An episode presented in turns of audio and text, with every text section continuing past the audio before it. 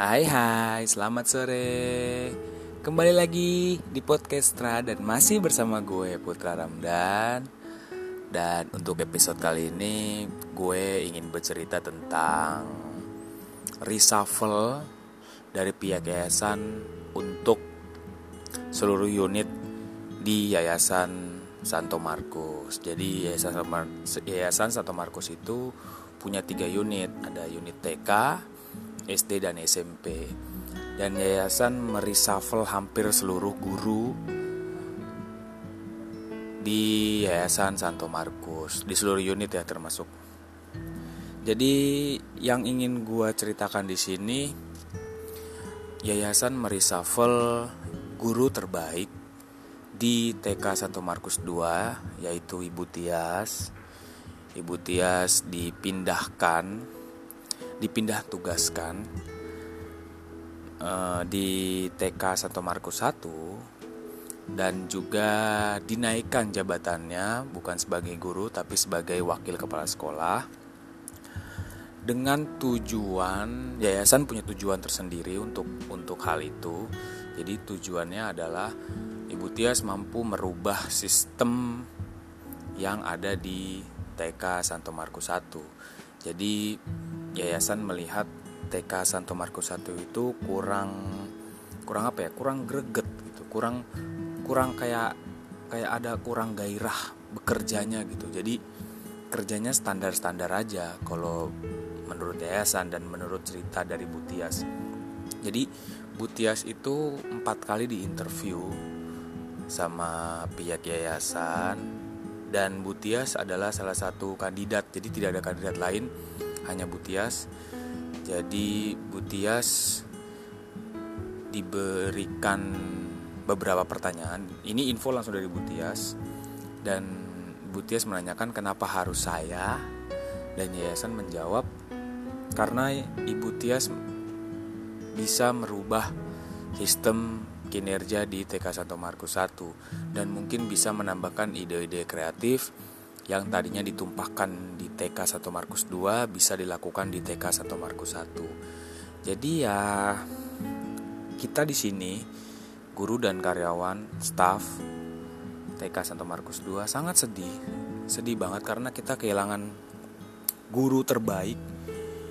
Guru yang mempunyai ide-ide cemerlang, guru yang selalu happy, selalu riang, jadi kita sudah mulai mempunyai rencana untuk bagaimana menyiasati tahun ajaran baru yang akan berlangsung minggu depan.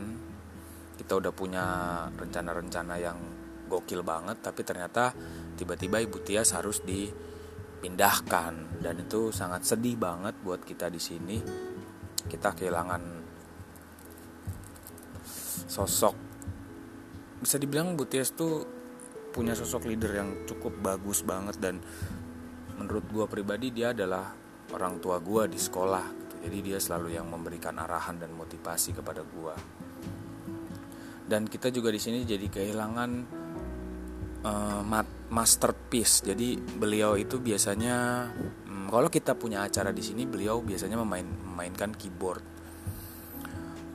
untuk mendampingi anak-anak bernyanyi atau guru-guru bernyanyi atau bahkan kita karaokean segala macem itu beliau yang mengiringi. Tapi kita sekarang kehilangan sosok beliau dan uh, tidak bisa kembali bekerja sama dalam satu tim yang solid di TK 1 Parkus 2 sedih ya cuman itu udah jawaban dari Butias dan itu sudah keputusan dari Butias dan yayasan sudah menandatangani SK-nya dan Butias akhirnya uh, pindah ke TK 1 Markus 1 dan kalau menurut gua gua juga punya gue juga bangga sama beliau karena uh, beliau diberikan mandat yang cukup besar dari yayasan dan beliau menerima dan siap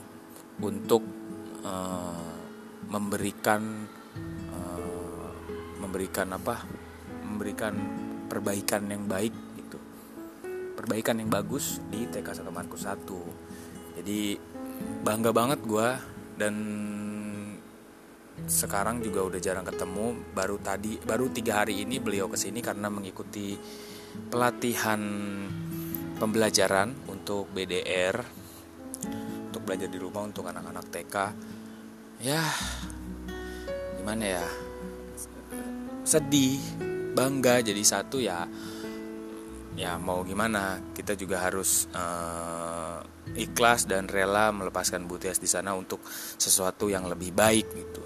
Dan semoga Butias juga bisa bersemangat dan selalu happy di TK Santo Markus 1 seperti di sini dan juga uh, kita banyak kedatangan guru-guru baru dan selamat bergabung di TK Santo Markus 2 Semoga bisa memberikan yang terbaik untuk TK 1 Markus 2. Ah, kehilangan sih sosok yang sangat luar biasa. Tapi ya mau gimana, kita harus tetap berjalan dan ya gue sih masih keep kontak sama beliau. Beliau masih suka sering tanya-tanya tentang pembuatan Eh, video pembelajaran seperti apa. Ya gue akan sangat sangat akan membantu beliau dan juga banyak guru-guru di sini juga di SD terutama juga banyak yang di reshuffle. Ada yang naik jadi wakil kepala sekolah ada yang menjadi uh, bidang kesiswaan ada yang dipindahkan segala macam dan ya yayasan melihat mungkin itu tidak ada mungkin sebelumnya tidak ada progres dan mungkin uh, tujuannya untuk menjadi eh untuk memberikan perubahan yang lebih baik gitu. Ya semoga uh, tujuan yayasan itu bisa dijalankan dengan orang-orang yang telah di reshuffle gitu. Amin. Ya bisa dibilang tuh kemarin banyak banget yang yang ya yang pada sedih segala macam cuman itu udah lewat lah kita harus harus uh, kembali menata semangat untuk tahun ajaran baru. Karena jujur tahun ajaran baru ini bisa dibilang agak sulit karena tetap anak-anak belajar di rumah dan itu membutuhkan energi uh, pemikiran yang luar biasa gitu. Dan semoga guru-guru di sini juga makin semangat dan tetap memberikan yang terbaik untuk anak-anak walaupun anak-anak belajar di rumah. Dan membicarakan tentang guru-guru baru juga uh, kemarin minggu lalu Kepsek gua ibu kepala sekolah me WhatsApp gua untuk mendaftarkan gua sebagai guru di Santo Markus kaget banget gua sempet sempet gua langsung iya kaget banget. Kok bisa gitu kepala sekolah gue uh, WhatsApp seperti ini gitu. Tapi gue menjawabnya dan gue telah membelikan memberikan jawaban atau keputusan gue tidak bisa menerima tawaran itu. Dan gue meminta maaf kepada beliau dan gue memberikan alasan kepada beliau bukan karena uh, saya bukan karena gue tidak mampu bukan karena gue tidak bisa menjalankan amanah, bukan gue tidak ingin menjadi yang lebih baik, tapi untuk saat ini dan untuk kondisi yang seperti ini, menurut gue, gue sangat dibutuhkan sama guru-guru dan kepala sekolah di TK Santo Markus II untuk mendampingi mereka dalam pembuatan video atau dalam BDR ini belajar dari rumah karena sistemnya harus benar-benar uh, pakai uh, digital gitu udah pakai teknologi dan uh, eh, gue harus bantu guru-guru di sini jadi gue tidak bisa mengambil uh, mengambil tawaran itu gitu. jadi menurut gue itu yang lebih baik uh, tapi kalaupun nanti ada kesempatan itu di tahun depan mungkin bisa gue ambil gitu. Karena gue juga lagi fokus sama skripsi gue yang sudah mau masuk bab 3 sudah masuk bab 3 jadi ya gue takut kepecah belah aja gitu. Lagi pula kalaupun gue harus mengambil keputusan itu misalnya gue harus mengambil keputusan atau mengambil tawaran dari uh, kepala sekolah gue untuk menjadi guru di sini. Dan itu pasti repot banget bukan repot sih. Uh, jadi ribet karena harus menggan harus mencari pengganti gue gitu. Sedangkan nggak gampang gitu loh mencari mencari mencari seorang karyawan yang yang ya mungkin gue bisa dibilang tidak gampang mencari sosok yang seperti gue yang mau untuk melakukan pekerjaan ini dan membantu guru-guru yang lagi sibuk dan repot dalam situasi BDR ini. Jadi, kalaupun gue menerima tawaran itu ya pasti uh, guanya juga nggak rela, guanya nggak ikhlas juga ngelihat guru-guru kesulitan seperti itu. Itu tawaran yang luar biasa sih menurut gue dan dan gue belum bisa ambil kesempatan itu semoga tahun depan ada kesempatan itu dan gue sudah lulus sarjana mungkin gue akan ambil gitu karena di saat gue dulu masuk di TK dan gue melihat dan gue melihat guru-guru di sini sangat luar biasa banget. Jadi ada niat gue untuk uh, menjadi guru gitu. Enak ya ngajar anak-anak gitu. Senang selalu terus happy gitu, ya walaupun pasti yang dirasain ada capeknya segala macam teman kalau udah ketemu anak itu rasanya hilang gitu. Gue pengen seperti itu ada ada niat seperti itu. Dan menjalani proses menjalani proses akhirnya ada jalan tapi tidak gue ambil kesempatan itu. Ya tidak apa-apa lah. Mungkin ini keputusan terbaik menurut gue ya keputusan terbaik dan membicarakan tentang niat dan ada jalan ada niat ada jalan ini juga gue rasakan setelah bulan lalu bulan Juni uh, eh, gue mendapat info dari pasangan gue kalau kakaknya akan dilamar oleh seorang pria di akhir Juli ini. Dan itu seneng banget gue karena dan termasuk uh, pasangan gue ya termasuk pacar gue yang seneng banget karena ini bisa memudahkan kita untuk melangkah ke jenjang yang lebih serius. Jadi gue dari gue dari dulu dulu bukannya bukannya apa ya bukannya tidak ingin menikah. Ada niat ke situ. Niat gue menikahi pacar gue itu di saat satu tahun pendekatan dan satu tahun menjalani hubungan sama dia. Jadi setelah satu tahun menjalani hubungan gue langsung ngajakin dia nikah. Cuman karena umur dia saat itu masih 18 tahun dan jarak usia gue dan dia 5 tahun jadi gue harus mengalahkan ego gue karena di umur 18 tahun dia sudah harus menjadi istri gue pasti dia kehilangan banget masa masa remajanya gitu masa asiknya pasti hilang gitu karena udah punya tanggung jawab gitu kan. Jadi gue harus menurunkan ego gue dan oke okay lah uh, kita cancel dulu. Tapi di setiap tahunnya itu selalu gue ajak selalu gue ajak selalu gue ajak gue ajak gue ajak nikah gue ajak nikah sampai akhirnya kalau nggak salah di umur dia 23 tahun gue ngajakin dia nikah dan jawaban dia uh, adalah dia masih menghargai kakaknya. Jadi kakaknya saat itu belum punya pasangan, jadi dia masih menghargai kakaknya. Jadi uh, apa namanya acara lamaran kakaknya, acara kakaknya dilamar nanti di akhir Juli ini itu sama sekali bukan jadi penghalang ya. Maksudnya kakaknya jomblo itu kakaknya belum ada pasangan itu bukan jadi penghalang buat gua. Jadi itu sama sekali bukan penghalang. Sama sekali karena gua ada niat ngajakin dia nikah itu udah lama banget gitu.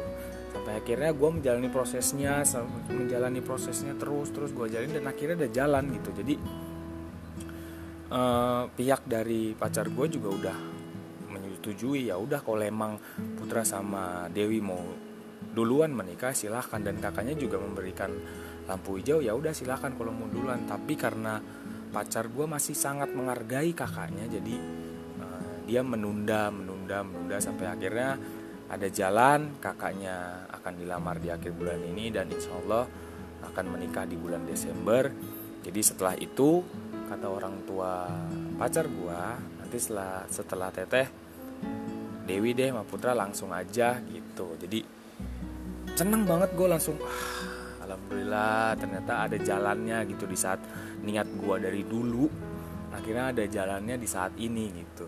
Dan ya seneng gue akhirnya gue jadi jadi jadi jadi termotivasi buat oh ya ayo ayo ayo kita mulai mempersiapkan pelan pelan kan. Ya mudah-mudahan uh, ini jalan yang terbaik itu kan. Mudah-mudahan ini jalan bukan jalan terbaik sih maksudnya dimuluskan jalannya dilancarkan jalannya sampai ke hari yang sangat spesial nanti buat gue dan pasangan gue amin. Karena momen itu sih yang gue nantikan karena target gue itu ada dua di tahun 2020 sebenarnya. Target gue di tahun 2020 itu gue wisuda lulus dan nikah. Jadi karena situasinya masih pandemi gini jadi agak molor-molor sedikit dan gue berpikir ya udahlah tahun depan aja di awal tahun gitu. Ya molor-molor sedikit nggak apa-apa lah. Gitu, sambil kita mempersiapkan hal yang lain gitu. Ah itulah kisah uh, cerita yang gue rasakan dan yang gue lihat di depan mata gue dan yang gue dengar. Jadi buat kalian yang masih punya niat apa ya niat terselubung bukan niat terselubung ya maksudnya niat yang yang belum tercapai terus dikejar karena pasti ada jalannya jadi menanti prosesnya niatnya dulu terus menanti prosesnya pasti jalannya pasti ada gitu. dan gue percaya itu sih dan banyak teman-teman gue yang yang juga dia mempunyai niat baik pasti ada jalannya. Dan ya mudah-mudahan uh, niat baik gue ini niat tulus gue ini uh, dilancarkan jalannya. Amin. Ya mungkin itu aja yang bisa gue ceritakan di episode ini. Uh, terima kasih buat uh, kalian yang masih mendengarkan podcast gue masih mendengarkan suara gue yang cempreng ini. Terima kasih.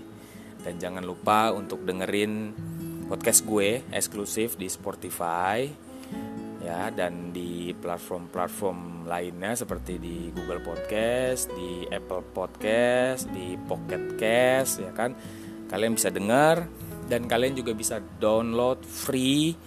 Kalian bisa dengarkan episode mana aja yang kalian mau dan di-download free ya. Oke, uh, selamat beraktivitas kembali bagi yang masih bekerja di sore hari ini yang masih di kantor eh, tetap semangat hati-hati di jalan jangan lupa makan tetap jaga kondisi kesehatan eh, terus sehat terus semangat terus ceria karena itu akan membangun imunitas kita menjadi lebih baik. Oke. Sampai di sini dulu sampai ketemu lagi di episode selanjutnya di podcast